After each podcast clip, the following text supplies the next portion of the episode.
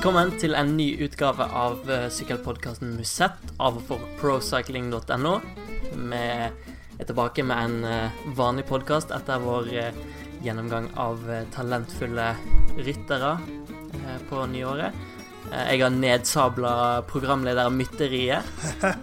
og så satser jeg på at vi får en bedre start på året enn Isagire-brødrene. Ikke sånn Theis Magelsen og Simon Nesler? Ja, det får vi håpe, for den velten deres var mildt sagt uh, stygg. For de som har sett Sånn, den. sånn går det når de skal prøve seg i cyclocross. Nei, vi får håpe at, uh, at jeg ikke blir kastet av skipet, Knut, for mitt mytteri under denne lista til Simon og meg. Men uh, hyggelig å være tilbake, i hvert fall, med enda en podkast. Absolutt. Eh, denne podkasten tenkte vi skulle, vi skulle vie til kvinnesykling. Eh, de fortjener litt fokus, de òg. Har ikke hatt så masse av det tidligere podkastene, så det var kanskje, kanskje på tide. Og, og da er det jo naturlig å starte her hjemme i Norge, Theis. Ja, vi må jo nesten det. Når vi har et eh, Vi har jo ett norsk sykkellag på øverste nivå, og det er jo Hightech. Eller er det Hightech Products Birk Sport som er eh, navnet deres eh, nå? Uh, har jo hatt et litt vanskelig 2018 bak seg. Uh, økonomiske problemer. Og eh, ja, har, de, har vel gått gjennom et slags hamskifte de siste sesongene, syns jeg. Eh, så jeg er veldig spent på hva de eh, får til i året som kommer. Ja, absolutt veldig spennende.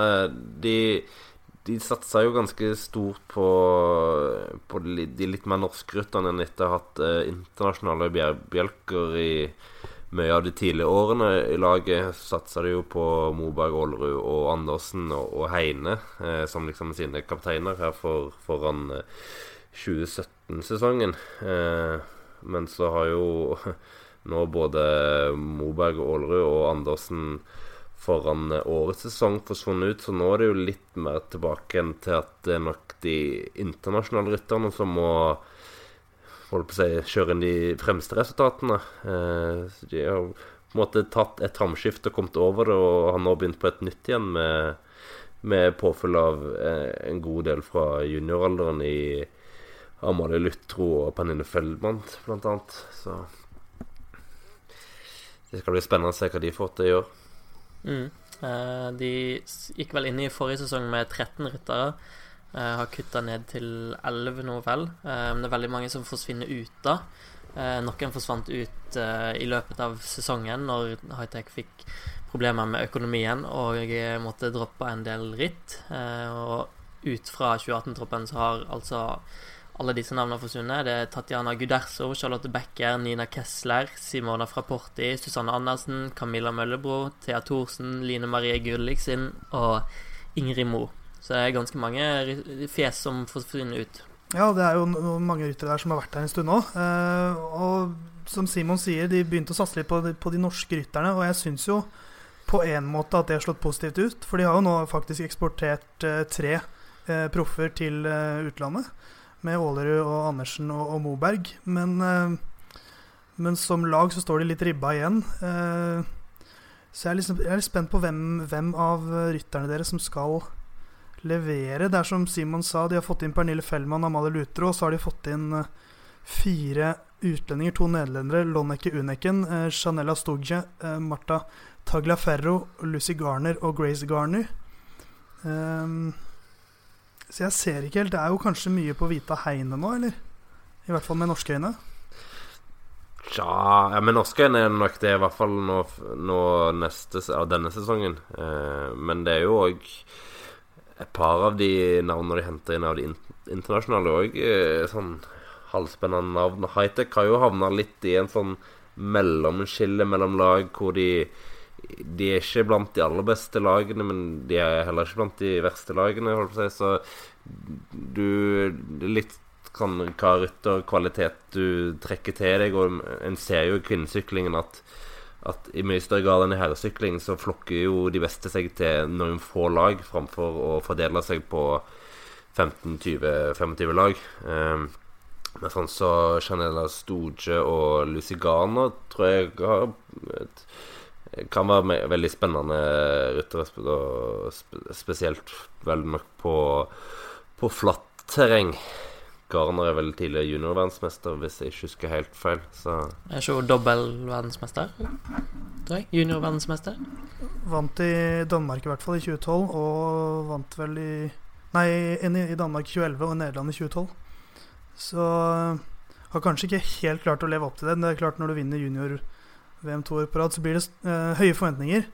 Uh, men hun er jo fortsatt bare 24 år gammel, har vel med seg sin, uh, sin lillesøster også til, eh, til high-tech, Grace Garner, uten at hun har like imponerende merittliste bak seg. Men, men jeg vil jo tro at hun har eh, blitt lovet en litt fremskutt rolle. Har jo flere år bak seg i Wiggle High Five, som er et veldig bra lag. Så det, det Det er jo en rytter som kan få til et eller annet, vil jeg tro.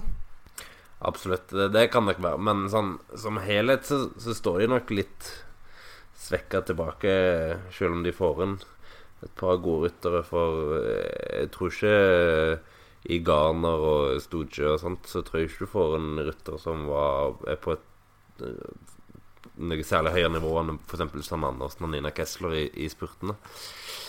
Så får se hvordan den utviklingen går. Hightech eh, Det var jo en, en dårlig sesong i, i fjor. Eh, en kan ikke si noe annet enn det. De har en liten trend de må snu. Eh, da kan det være godt å få masse nytt og friskt inn. Det kan være det som er nøkkelen.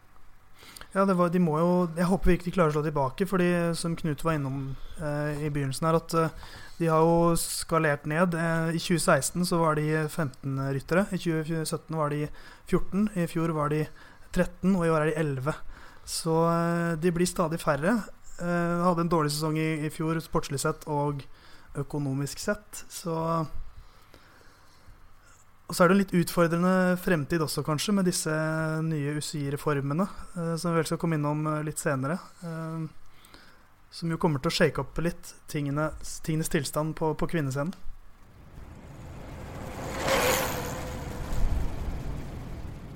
Hightech Products Birksport starter sesongen sin i ja, omløpet de, akkurat i starten av mars nå, da.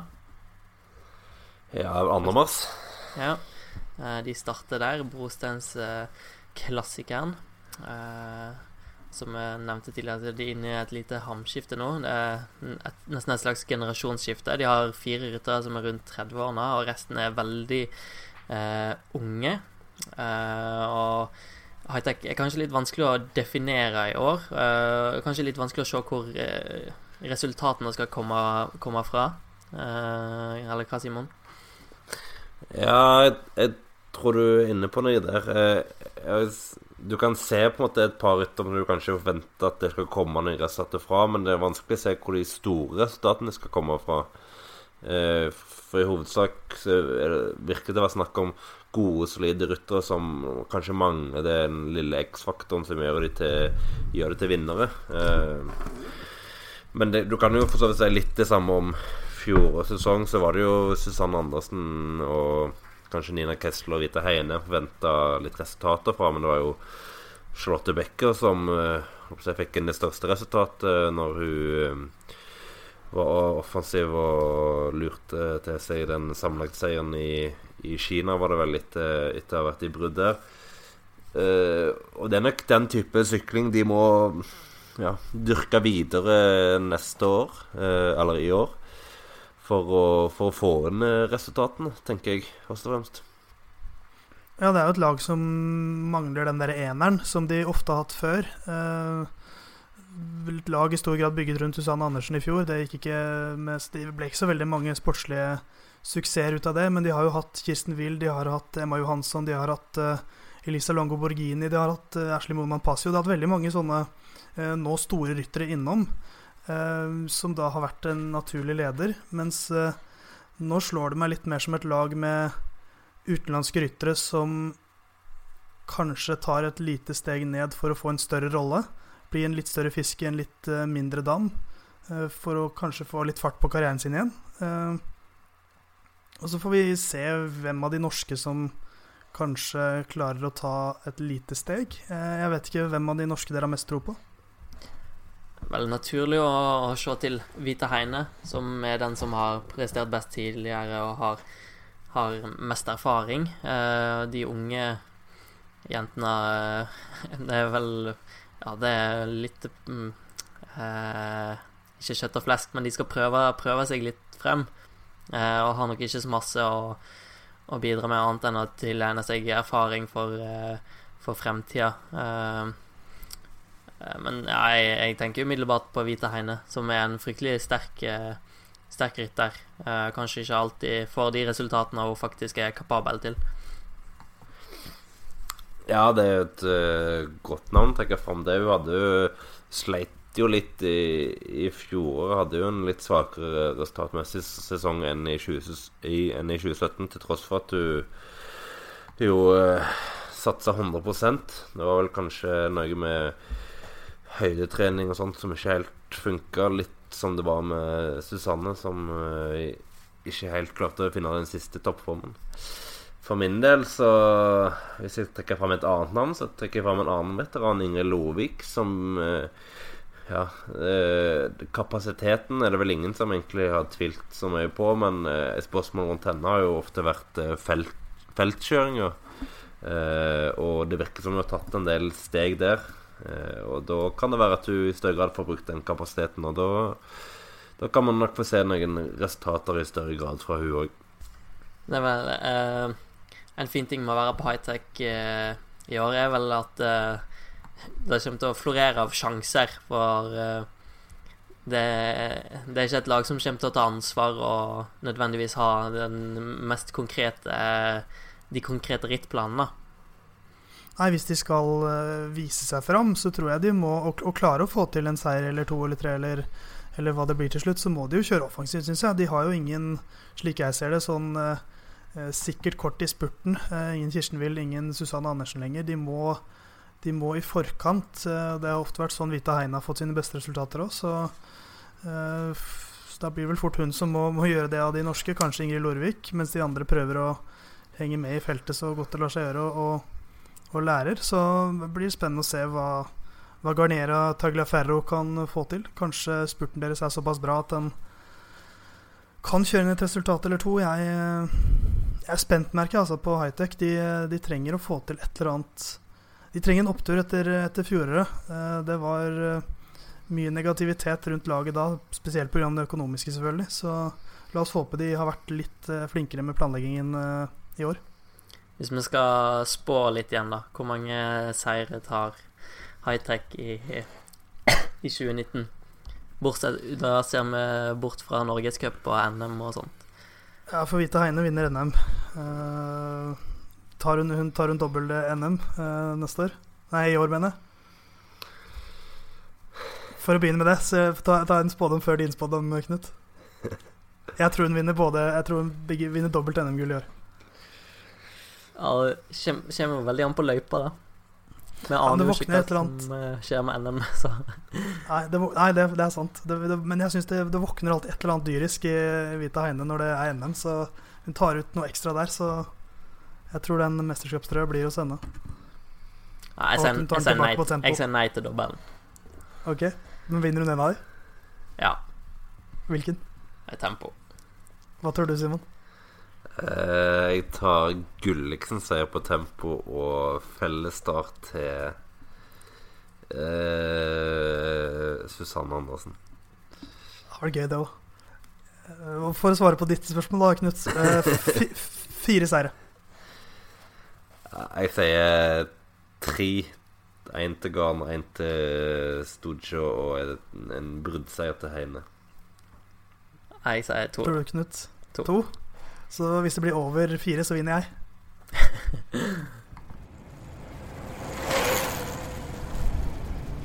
Vi fortsetter i et eh, norsk spor og ser videre på de eh, norske utenlandsproffene.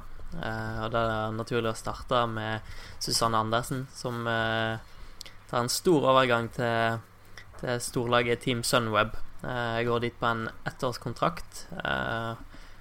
Det er vel, eh, det er vel en, en, overgang det er lov til å, å glede seg ganske masse over, eh, Theis?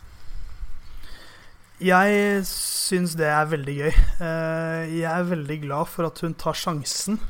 Jeg begynte å frykte litt at hun skulle Jeg har ikke lyst til å si gro fast, men at hun skulle bli veldig lenge i high-tech. Jeg tror hun er et såpass stort talent at hun har godt av å komme seg utenlands.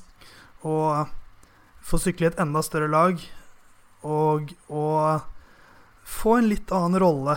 Uh, hun går jo inn nå, Simon, i en ganske annen rolle enn det hun har vært vant til de siste årene. Ja, uh, absolutt. Spesielt nå i, i fjor så, så, var hun jo i stor grad uh, eineren på high-tech i alle ritt som passer henne.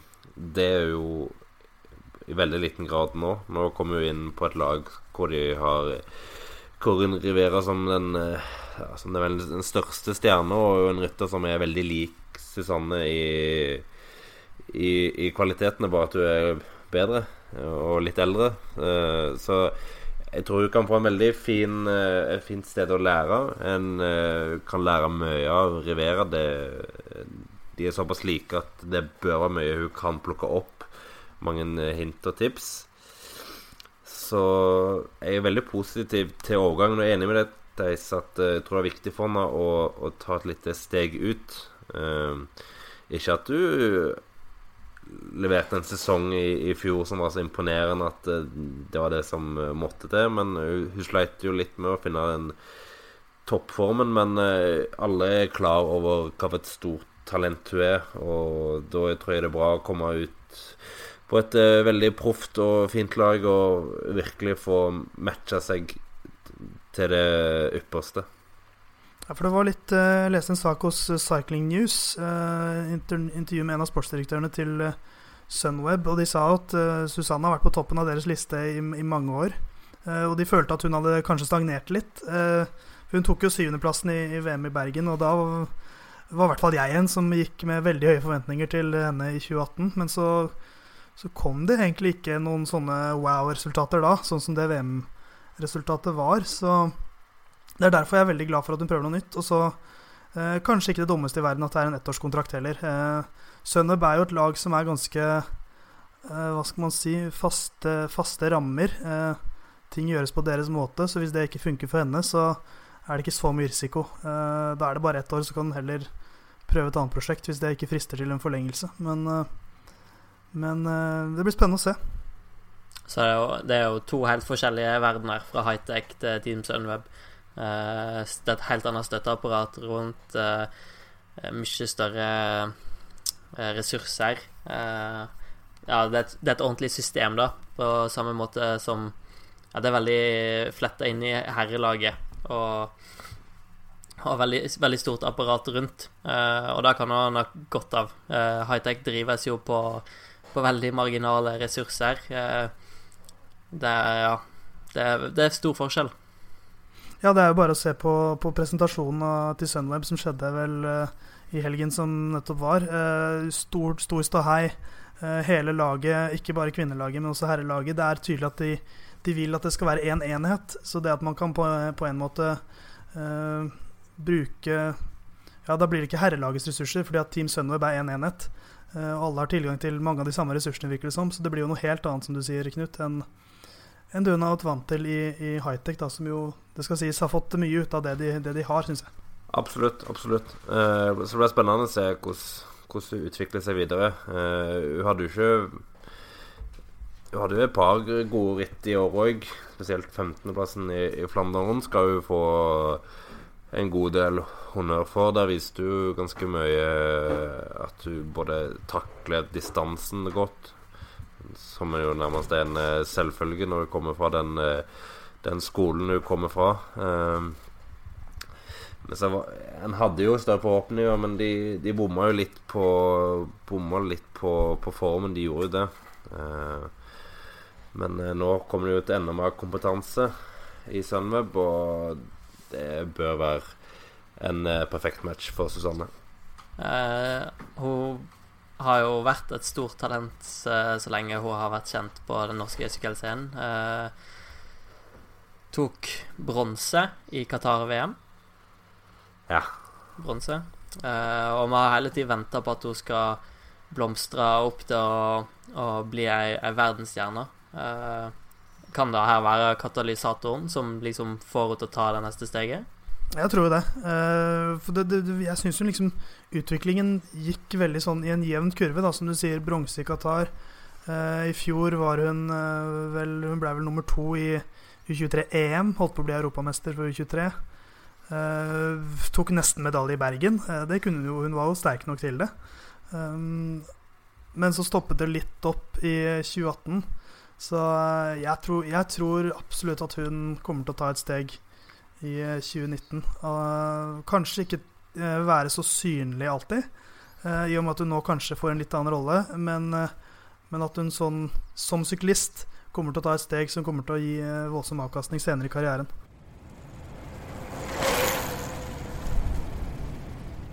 Vi hopper videre til Danmark og Team Virtu Cycling, hvor vi har to norske damer. Som begge to har slitt med skader og velt i år. Vi kan starte med klatretalentet Katrine Aalrud, som først fikk et ankelbrudd i Strade Bianchi, tilbake i Amstel Gold Race og rett på skulderbrudd. og Det definerte jo på mange måter sesongen hennes, selv om hun kom sterkt tilbake i Giro Rosa, Simon. Ja, ja, den er jo en stor del av, av sesongen hennes. det er jo noen av de rittene hvor hun har eh, sine fremste styrker. Så først komme inn i, i kan si dårlig form i form av lite konkurranse, og så ryke rett ut av MC Gold Race før du kjører på med Flesh Wallon og Liège Bastogne Liège, var jo en mildt sagt dårlig start på sesongen. Eh, men hun kom fint tilbake i Giro Rosa, som du nevnte, hvor hun jo imponerte spesielt på den etappen til Montson Colan, hvor hun ble nummer ti. Eh, og det må en jo virkelig ta med seg i, i det sånt sel selskap som Giro Rosa tross alt er. Det er jo det nok mest prestisjefylte kvinnerittet av etapperitt. Så det må jo sies å være en veldig oppløftende prestasjon, akkurat det. Selve høsten ja, hun var vel grei i Adesh før VM, som i 2017 ble en liten nedtur igjen. Men eh, jeg tror nok hun kan ta med seg mye positivt fra den eh, prestasjonen i Giro Rosa, i hvert fall. Vi fokuserer jo veldig, har fokusert veldig masse på Susanne Andersen opp gjennom årene. Men eh, den prestasjonen i Giro Rosa viser jo at hun har potensial til å bli eh, kanskje en av verdens beste klatrere, Theis. Ja, det er jo naturlig på en måte at Andersen har fått så mye fokus, for hun har vi kjent til så lenge, mens Aalerud har skutt fart eh, litt mer voldsomt. Eh, og som dere, som dere, sier, den prestasjonen i Giro Rosa er vanvittig sterk. Hun blir nummer 18 sammenlagt i det hardeste tapperittet hos kvinnene. Eh, og jeg syns at med en såpass eh, Hva skal man si Et såpass tynt grunnlag 25 ritt hadde, rittdager hadde hun i, i 2018. Eh, og jeg syns hun fikk til ganske mye på de 25 dagene. Husker også i NM, det var vel første rittet hennes etter et eh, ganske langt skadeavbrekk. Eh, hun var veldig aktiv i, avslutningen der, ble vel nummer ni til slutt. Så at hun har potensial, det er ingen tvil om. Når, man, når, man, med et så tynt grunnlag kommer inn til Giro Rosa og blir nummer ti på Montes Nocola, da sier seg selv at du kan bli en ganske god syklist. Uh, hun var klart best i sammendraget fra Virtu, så jeg tror ikke hennes posisjon, hvis hun først finner formen, unngår skader og sykdom og slikt, at eh, den er så utfordret. Nei, jeg tror du har rett i det. Så det er et lag hvor hun, hun kommer til å få mye sjanser i, i neste år òg. Eh, eller i år. Sier mye neste år for i år, altså. Men eh, ja. Eh, så hun er et veldig fint lag, og nå handler det egentlig mest for hun å bare være skade- og sykdomsfri. Det er jo noe som har hemma karrieren veldig mye mye, så langt. Og likevel har, har, vi jo fått de der glimtene av hva hun kan litt sånn imellom, når hun har fått tid til å funne toppformen og prikke inn de gode beina. Og da, da, da har vi sett ved flere anledninger hva hun virkelig er god for. Og, og det vitner om et veldig høyt potensial som nok bare vil eh, ja, Taket på det potensialet vil nok bare bli større og større i, i, i tråd med at hun ja, faktisk får mer år på sykkelen. Hun er jo ganske fersk som syklist. Hun er det, og allikevel så syns jeg at med den uh, eh, Soncola-tiendeplassen Så det er en av de råeste prestasjonene av en norsk syklist i 2018, syns jeg. Så uh, hun må ta med seg det positive. Uh, så får bare håpe at ett år ekstra på baken med, med, mer rutine, at hun da klarer å unngå, unngå uhell. Og apropos rutine. Emilie Moberg Eh, psykolog i samlaget, 27-åringen.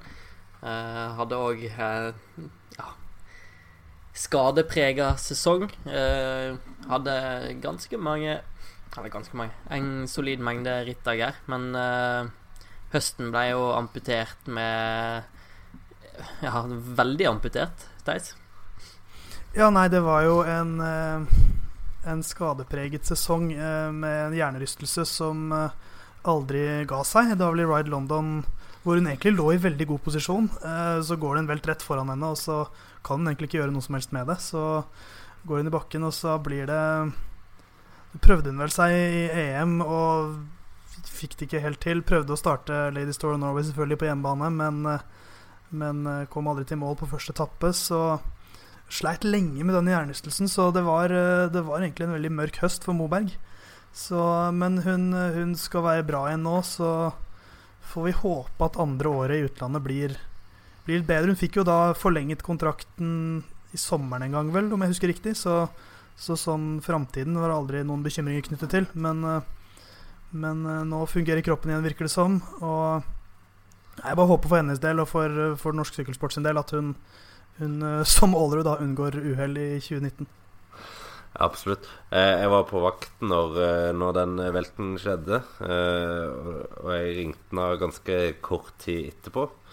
Et kvarter etterpå, og hun svarte jo ganske med en gang. Og hun virka jo helt fin. Hun hadde sagt at ja, det hadde fått seg en smell, men hun trodde det gikk fint. Og, men så gikk det tydeligvis ikke så bra som en først hadde trodd. Og det er jo litt faren med, med hodeskader. Det, du, det, er vanskelig å, å få et sånn, eh, klart overblikk med en gang. Eh, og det, det var nok lurt at, eh, at, det ble en ganske rolig høstsesong som det ble, for å, for å sikre at du kom seg eh, fint tilbake til, til årets sesong.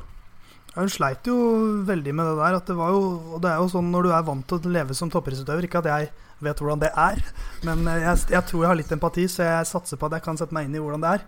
Eh, for du er veldig vant til, å leve i den bobla di, og du er vant til at det går som et maskineri, at du trener, trener, trener, men plutselig så, så er det nærmest som kroppen svikter. Du, du, du får ikke trent fordi at uh, du får bare vondt i hodet, og det, det, det, fungerer rett og slett ikke. Så må du bare ta en pause. Så det var ganske tungt for henne. Så, men ja, hun, jo, en blid og positiv jente stort sett, så jeg satser på at hun kommer styrket ut av det og slår sterkt tilbake i, i år. Mm. Hun har jo en del år på, på baken, mange treningstimer, eh, og det er nok at det, det lange avbrekket blir eh, mindre kritisk, da. At hun har et veldig godt grunnlag. Så det er absolutt mulig for henne å komme tilbake til, til sitt gamle nivå rimelig raskt. Vi får håpe på en uh, at hun gjør sånn som Taco van der Horn, som jo hadde en hjernerystelse i, i 2017. Eller ja, i november 2017 og sånt. Og som jo han, han var litt mer alvorlig enn Moberg, for han lå vel ganske rett ut i tre måneder omtrent. Men han kom jo strålende tilbake i, i høsten og tok et par flotte seire, så kan håpe at Moberg gjør noe av det samme. Moberg får ta seg en taco.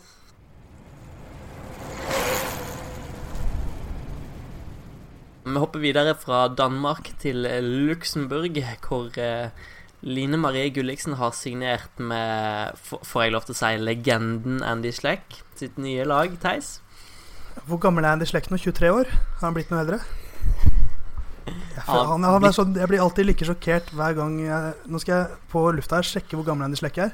Han er blitt litt rundere i kinnet. Han er, han er, han er 33. Altså, jeg syns det er helt sjukt. Uh, men nok om, nok om Andy. Uh, ja, Line Marie Gulliksen, vår norske tempomester, hun skal sykle for eh, Andy Schleck sitt uh, ja, Andy Schleck Cycles er vel ish navnet på det laget. Cycles Woman, tror jeg. Ja.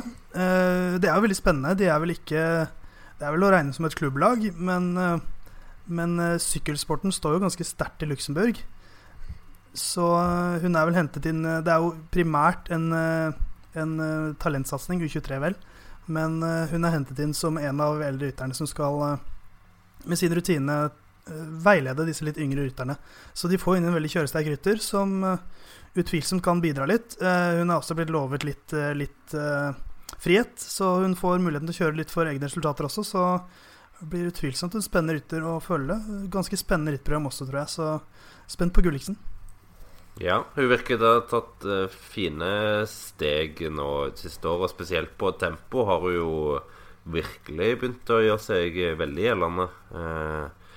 det er vel kanskje noe i de gradene der hun bør, hun bør dyrke videre. Kjørestyrken og, og tempostyrken. Og det kan hun jo absolutt kan si, gjøre en karriere av. Så. Det er en uh, spennende overgang. Med litt sånn friskt, uh, friskt valg å gå til en uh, sånn type satsing. Ja, det er gøy, syns jeg, at noen prøver å gjøre litt annerledes. for det, det, er jo Jeg skal ikke si faren, men noen kan kanskje brenne seg litt på at vi har et norsk norsk sykkellag hos kvinnene som det er lett å kanskje tenke at da holder jeg meg der. Men det er ikke sikkert det funker for alle. Hun hadde vel et tilbud fra Hightech om å bli der i 2019 også, men valgte å takke nei til det. Så jeg syns det er gøy med folk som gutser litt og prøver noe annet. Ja, du har hun og, hun og Stine Borgli er vel litt, litt, sånn i samme kategori, begge to gode syklister som uh, som nok er gode nok for high-tech hvis du ser på den rytterstallen de har ellers, men som uh, velger å satse uh, i mindre lag i utlandet. Uh, og Borgli har jo begynt å bygge seg opp som en veldig habil syklist, hun òg, spesielt i VM, hvor hun imponerte med en topp 30-plassering. Så det er absolutt bra for norsk sykkelsport at ikke alle blir må gå gjennom high-tech. Alt må ikke gå gjennom der. Det, det fins andre muligheter eh, sjøl for de som ikke er de aller, aller beste. Som type Moberg, Aalerud og Andersen. Og de utenlandske ja, klubblagene har gjerne veldig Ja, de har ganske proft opplegg. Eh, bra med ressurser. Eh, og ikke minst i Luxembourg og ja, Benelux-området så er det en helt annen sykkelkultur.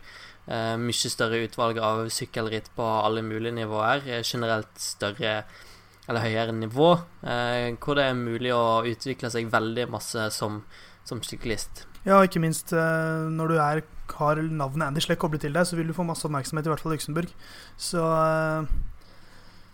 så nei, det blir spennende. Hun har jo blitt lovet også et bra rittprogram med, med en del store ritt som går i området der også, så hun kommer nok til å få prøvd seg litt uh, i noen storritt også, og da kanskje med større frihet. Altså, hadde hun vært i high-tech i år, så hadde hun kanskje måttet uh, kjøre litt oftere som hjelperytter. Det var jo det hun gjorde litt i 2018. Ikke, hun var ikke en tydelig kaptein, men i, i, et litt mindre lag så får man plutselig litt mer ansvar. Og det, det er ikke så dumt uh, å prøve nye veier. Det er litt sånn som hvis man ser på Yates-brødrene. Der var det jo en som, som fulgte British Cycling veldig, og den andre dro, dro til kontinentet og prøvde seg der. Og begge to har blitt uh, brukbare, må man kunne si. Så det fins mange veier til rom.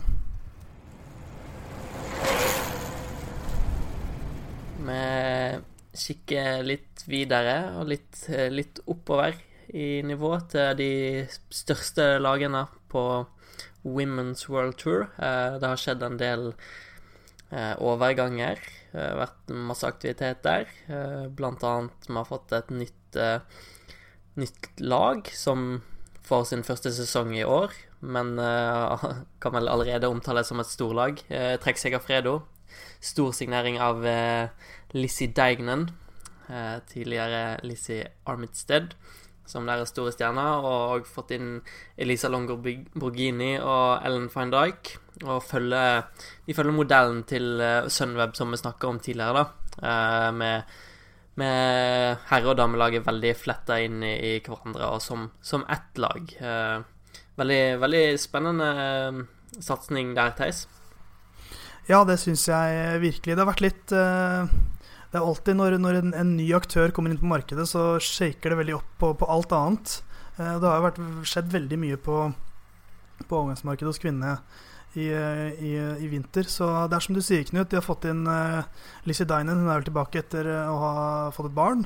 Så uh, hun er jo vanvittig god. Så en kjempesignering. Ellen von Dijk, tempomonsteret fra Nederland, som drar fra Sunweb. Hun har vært en enorm ressurs i Sunweb, så spent på, på hvordan de klarer seg uten henne. Longo Borghini også vil også trekke fram Lotta Leppistø. som i henne så får de en veldig god spurter også. Uh, det laget der er uh, Altså, det har jo, det har jo lenge uh, i kvinnesykling vært Bås Dolmans mot resten. men nå føler jeg vi har et lag her som absolutt er på nivå med Bås Dolmans. I hvert fall på papiret. Vi får se hvordan det blir i praksis. Ja, de står absolutt ikke noe særlig tilbake der. Eh, det er rett og slett et ekstremt bra lag Trekk har klart å, å stable opp beina. Det er jo stjerne etter stjerne etter stjerne etter stjerne. Eh, og det, det, gjør jo dynamikken blant damelagene som du sier, veldig spennende til årets sesong. Eh, nå er det mye mer åpent enn det det kanskje har vært de siste åra. Eh, Boll Stolmann sa jo fremdeles et, eh, et rimelig greit lag, da, selvfølgelig, med, med verdensmester på fleng i Chantal Blak og Didriksen og Anna van der Breggen. De får jo òg inn eh, Julien de Aar, så de får jo en verdensklassespurter inn òg. Selv om de selvfølgelig da mister Deinen som riktignok var gravid i, i, fjor, så du mister henne sånn sett ikke i praksis. Eh, mister Megan Garnier, eh, men de De blir rimelig sterke neste år, de òg, for å si det mildt. Ja, det er ingen tvil om. Eh, men det er liksom denne at nå får de en, en motkraft i Trexaga Fredo hvis de klarer å, å, sykle bra sammen som lag. Det, det er fordelen til Bål Stolmans at de er veldig eh, innkjørt. De er veldig Eh, etablerte og vet akkurat hvordan de skal gjøre det her. Så, men eh, det er mye rutine i Trekkseg Fredo òg, så eh, det blir en helt annen dynamikk. For det har vært eh, sånn at Bål Stolmos har sendt én og én rytter i angrep. Og så har, eh, har, de holdt på sånn helt til ingen andre klarer å følge, og så vinner de. Eh, og det tror jeg ikke de kommer til å klare like lett i, i 2019. Men, så det er liksom de to store, mektige lagene, og så har vi en haug med andre lag som har noen noen ledestjerner som er, eh, ikke står noe tilbake for de beste på, på balls og på trekk. Nei, spesielt i Du har jo selvfølgelig van Floyten, som kanskje er den største stjerna forutenom de, de lagene vi har vært innom. Uh, og hun ja, Du kan vel ikke si så mye annet om hun enn at hun bare er forferdelig god. Uh, og hun, hun, vinner jo stort sett sine ritt bare på at hun har en kapasitet som er et hakk over eh, de andre. Og du er ikke så avhengig av å ha et like sterkt eh, lag rundt seg. Og hun vil jo være en ja, For å si det på engelsk en pain in the ass for, eh, for både Bolls og trekk å hanskes med. For, for, et monster hun er, altså. Det det hun gjorde i 2019, er helt vilt. Uh, 2018. 2018, takk. 2018. Det hun kommer til å gjøre i 2019, er like vilt. Uh, men jeg husker Giro Rosa, hvor hun, hun vant jo så, med en sånn letthet som jeg ikke har sett. Hun vant vel den tempoen som avsluttet opp en stupbratt bakke der med sånn to, over to minutter. Uh, suveren, ja, ikke sant? Suveren på en måte som Cola.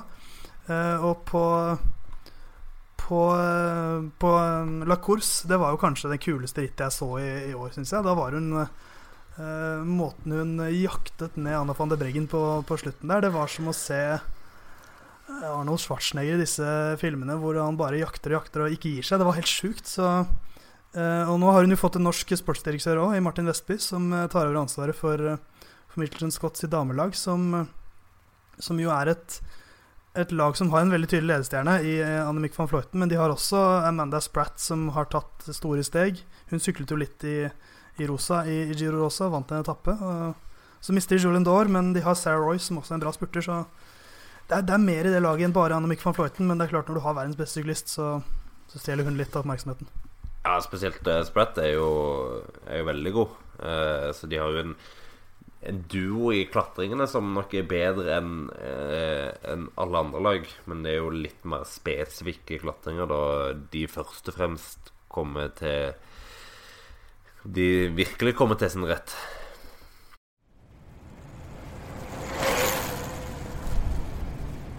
Et annet lag som eh, deler navnet sponsor med et eh, herrelag, er CCC Liv, som er en eh, forlengelse av Wow Deals, som eh, har eh, Marianne Voss i spissen. Eh, Voss har hatt noen sesonger som har vært kanskje under det hun er vant med, men hun er jo fortsatt på et ganske høyt nivå, og vi kan vel regne med å se hun kjempe om en del seire i 2019 òg. Ja, det, det, kan man nok anta.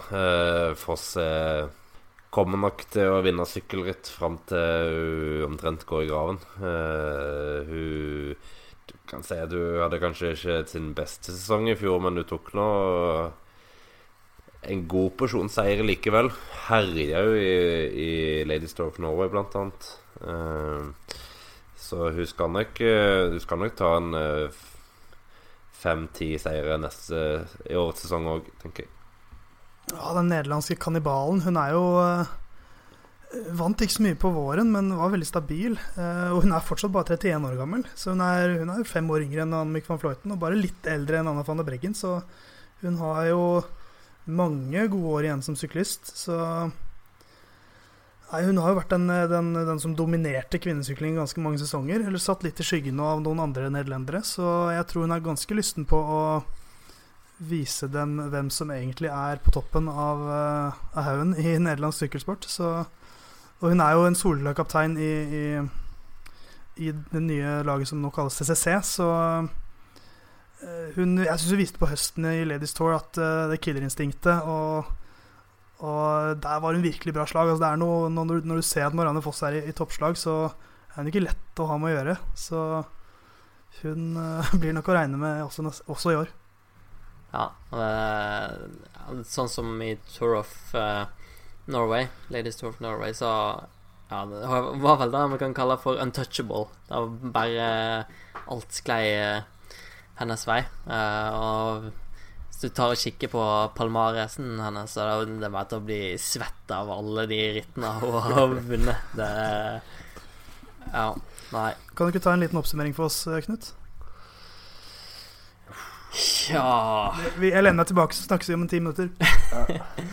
nei, vi kan jo eh, nevne tre VM-titler, da. Eh, fem Flash Vallon eh, og Gudene veit hvor mange VM-titler hun har på cyclocross. Det er vel nærmere ti, om det ikke er ti. Uh, 21 etapper i Giro Rosa. Tre ganger sammenlagt. Uh, vant OL i 2012. Altså, har vunnet alt du kan vinne, og gjentatte ganger, for å si det sånn. Du kommer til å vinne mer. ja. Så eh, Nei, det Men nå er det også CCC, da. Vi må også nevne at de har fått inn Ashley Morman Pasio. Uh, nummer to fra Giro Rosa. Uh, veldig, veldig sterk klatrer. Så nå har de plutselig en av verdens beste klatrere også. Uh, så det skjer mer i det laget. Det er litt sånn som Michelin Scott. Det er ikke bare én rytter, men det er én som, som tar oppmerksomheten. Så kan de andre liste seg fram i skyggen.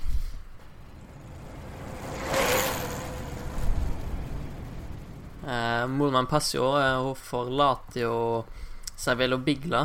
Eh, har sykla der siden 2015, vel, og vært eh, ja, deres eh, viktigste rytter eh, på mange måter. men de har jo absolutt et, et lovende lag, selv om, selv om Passio forsvinner, og spesielt kanskje vår danske venninne Cecilie Utrup Ludvig. Ja, en av de mest uh, sympatiske likende rytterne i, i feltet, syns jeg. Den uh, syklisten som er mest glad i Fanta og avokado, helst sammen. Uh, hun, et av de minnene som står sterkest hos meg fra 2018-sesongen, var rett og slett hennes prestasjon i La Course, hvor hun angrep opp fjellene før Van der Breggen og van Fløyten og Molman Passio, hennes kaptein, kjørte henne inn like før toppen.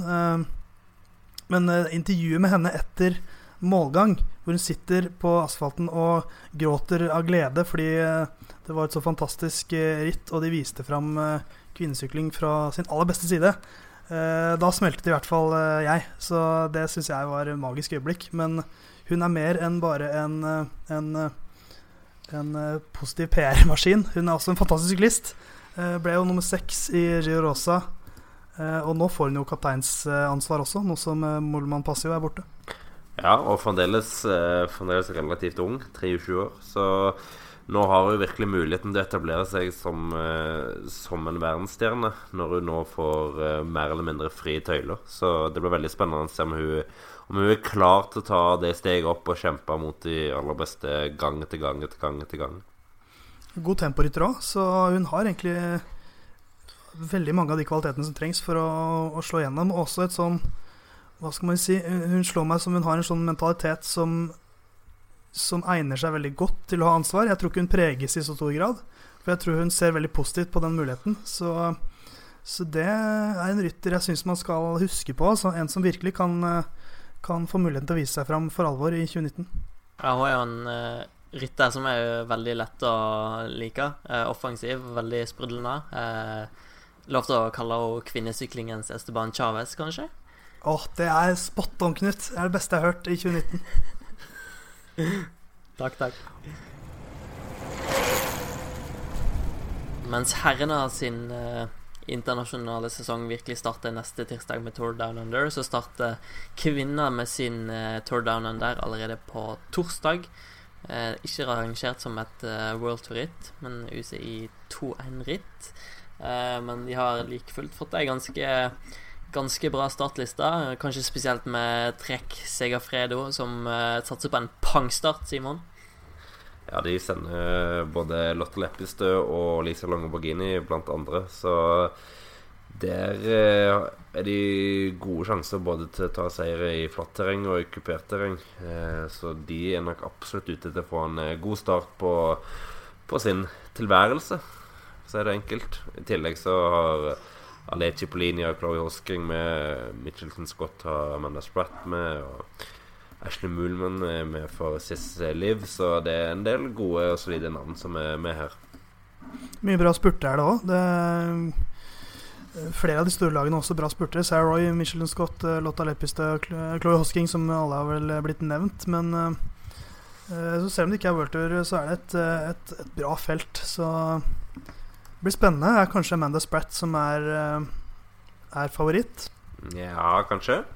Hun er i hvert fall eh, Det er jo den australske sesongen som er veldig viktig for dem, i hvert fall. Hun vant vel de to siste årene, tror jeg. Kanskje hun klarer tre på rad. Hun har jo utviklet seg veldig bra i Michelin Scott de siste årene, så mm. viste, det er min viste, favoritt. Viste bra form i australske mesterskapet her forleden, der hun bare ble slått av uh, overraskelsen Sarah Gigante. Det er ganske rått navn. Er, en enorm prestasjon av Gigante. Det er en fin mm. overskrift. Der har tabloidpressen masse deilig å, å leke seg med. Men ja, jeg tenker vi... bare Jeg syns synd på utenlandske medier som ikke kan uh, vri enda mer inn på Il Tempo Gigante, som vi kan her i Norge. Det var bare synd hun ikke vant tempoen, da. ja. Det får bli uh, neste år Gigante. uh, men uansett, Amanda Spratt uh, også en av de mest spennende rytterne i feltet, så Uh, jeg vil si hun er favoritt. Hun er nok uh, Dette er nok et av hennes høydepunkter uh, i år. Uh, Annemiek van Floyten er jo en klar kaptein i de aller fleste rittene de kjører, så, så dette er jo liksom hennes et av hennes store mål i år. Allerede i starten av januar. det er fort den andre etappen til Angusten som blir viktig, viktigst i sammendraget. Tre kilometer med bakke av 6% var det du sa, Simon? 6-7 ja. Mm. Uh, absolutt en bakke som passer Amanda Spratt uh, bra. Uh, hvis vi skal nevne noen utfordrere, så er jo Ash Ashley Moolman kanskje naturlig å, å, nevne. Selv om kanskje ikke bratt nok eller lang nok for hennes del. Ja, Moolman, uh, Longborghini uh, ja, det er nok flere som kan utfordre nå, men jeg vil tippe det er de tre som uh, er mine tre fremste navn. Pass på uh, Lauren Stevens også, som ble nummer to i fjor. Så, så det er noen der som kan uh, forsøke seg på, på spredt, men blir ikke overrasket hvis hun tar ekte hat trick nummer tre på rad. Det, det er i hvert fall det jeg ville satt mine penger på. Jeg spiller ikke så mye på sykkel, for det går aldri bra, men kanskje jeg skal gjøre det denne gangen. Vi begynner å runde litt uh, av her, uh, men før vi avslutter, så vil uh, Theis komme med en ørliten plugg og en liten hyllest. Ja, vi må gi en velfortjent hyllest til uh, Thea Thorsen, syns jeg. Hun har jo Skal vi knipse? RR-style? Si best til å knipse. Ja. Uh, det er eh, en lang sykkelkarriere. 15 eh, år siden hun begynte å, å sykle på landeveien. Eh, har vel syklet syv år i high-tech, om jeg husker riktig. Men har nå bestemt seg for å legge opp 26 år gammel. Så det er jo litt tidlig til syklist å være, men men hun har hatt noen litt tunge år som syklist. Litt, uh, gikk på en litt utbrent uh, smell i fjor, vel. Uh, sleit med, med hjernerystelse i, i år. Så Nei, i fjor, mener jeg. I 2018. Eh, så hun merket at motivasjonen begynte å svikte, og har bestemt seg for å legge opp. En populær brytter i Sykkel-Norge. Ingen som har et vondt ord å si om Thea Thorsen. Så hun skal prøve å gjøre seg ferdig med, med, med studier nå. Uh, studerer idrettsfysiologi på idrettshøyskolen Idrettshøgskolen i Oslo. Så ca. et år igjen, sa hun. Så hun skal prøve å komme seg i mål med det. Um, så et nytt liv som venter for Thea Thorsen. Uh, ligger en sak ute om henne på procycling.no. Ganske høyt oppe på siden vår fortsatt. Så jeg anbefaler jeg å lese den. Uh, så ønsker vi Thea Thorsen lykke til videre med alt som skulle komme. Yes, vi ønsker Thea Thorsen alt godt videre. Uh, og hennes egenskaper som syklist er nok overførbare til øvrige deler av livet, så jeg tipper hun klarer seg helt fint. og så skulle nesten hatt sånn der drrrring før Theis kjører sin sedvanlige eh, appell. Har du lyst til å være med på et helt unikt konsept? Da kan du gå inn på iTunes, søke opp uh, Musett og så bare gi oss en rating. Da. Det hadde vært veldig ålreit. Uh, jeg blir i hvert fall veldig glad når jeg ser tall som stiger. Uh, og det popper inn en liten ranger der av og til, så jeg blir veldig glad hver gang det skjer. Uh, så ranger, last ned, abonner på vår podkast. Så blir Knut, Simon og Theis kjempeglad. Nei, faen! Nå glemte vi Nå glemte vi lovnaden din her, Theis. Du lovte jo at vi skulle snakke om World Tour-reform.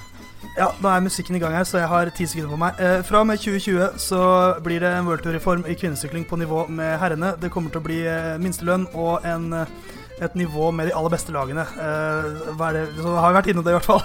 Eh, så kommer vi, sikkert, vi sikkert tilbake til det temaet eh, når 2020-sesongen nærmer seg, eller? Ja, vi får love at vi vi kommer tilbake til det. Uh, og så takker takk vi for følget. Uh, takk til deg, Theis, og takk til deg, Simon. Uh, veldig hyggelig som alltid. Godt å ha tilbake, Knut. Og så er vi tilbake neste uke.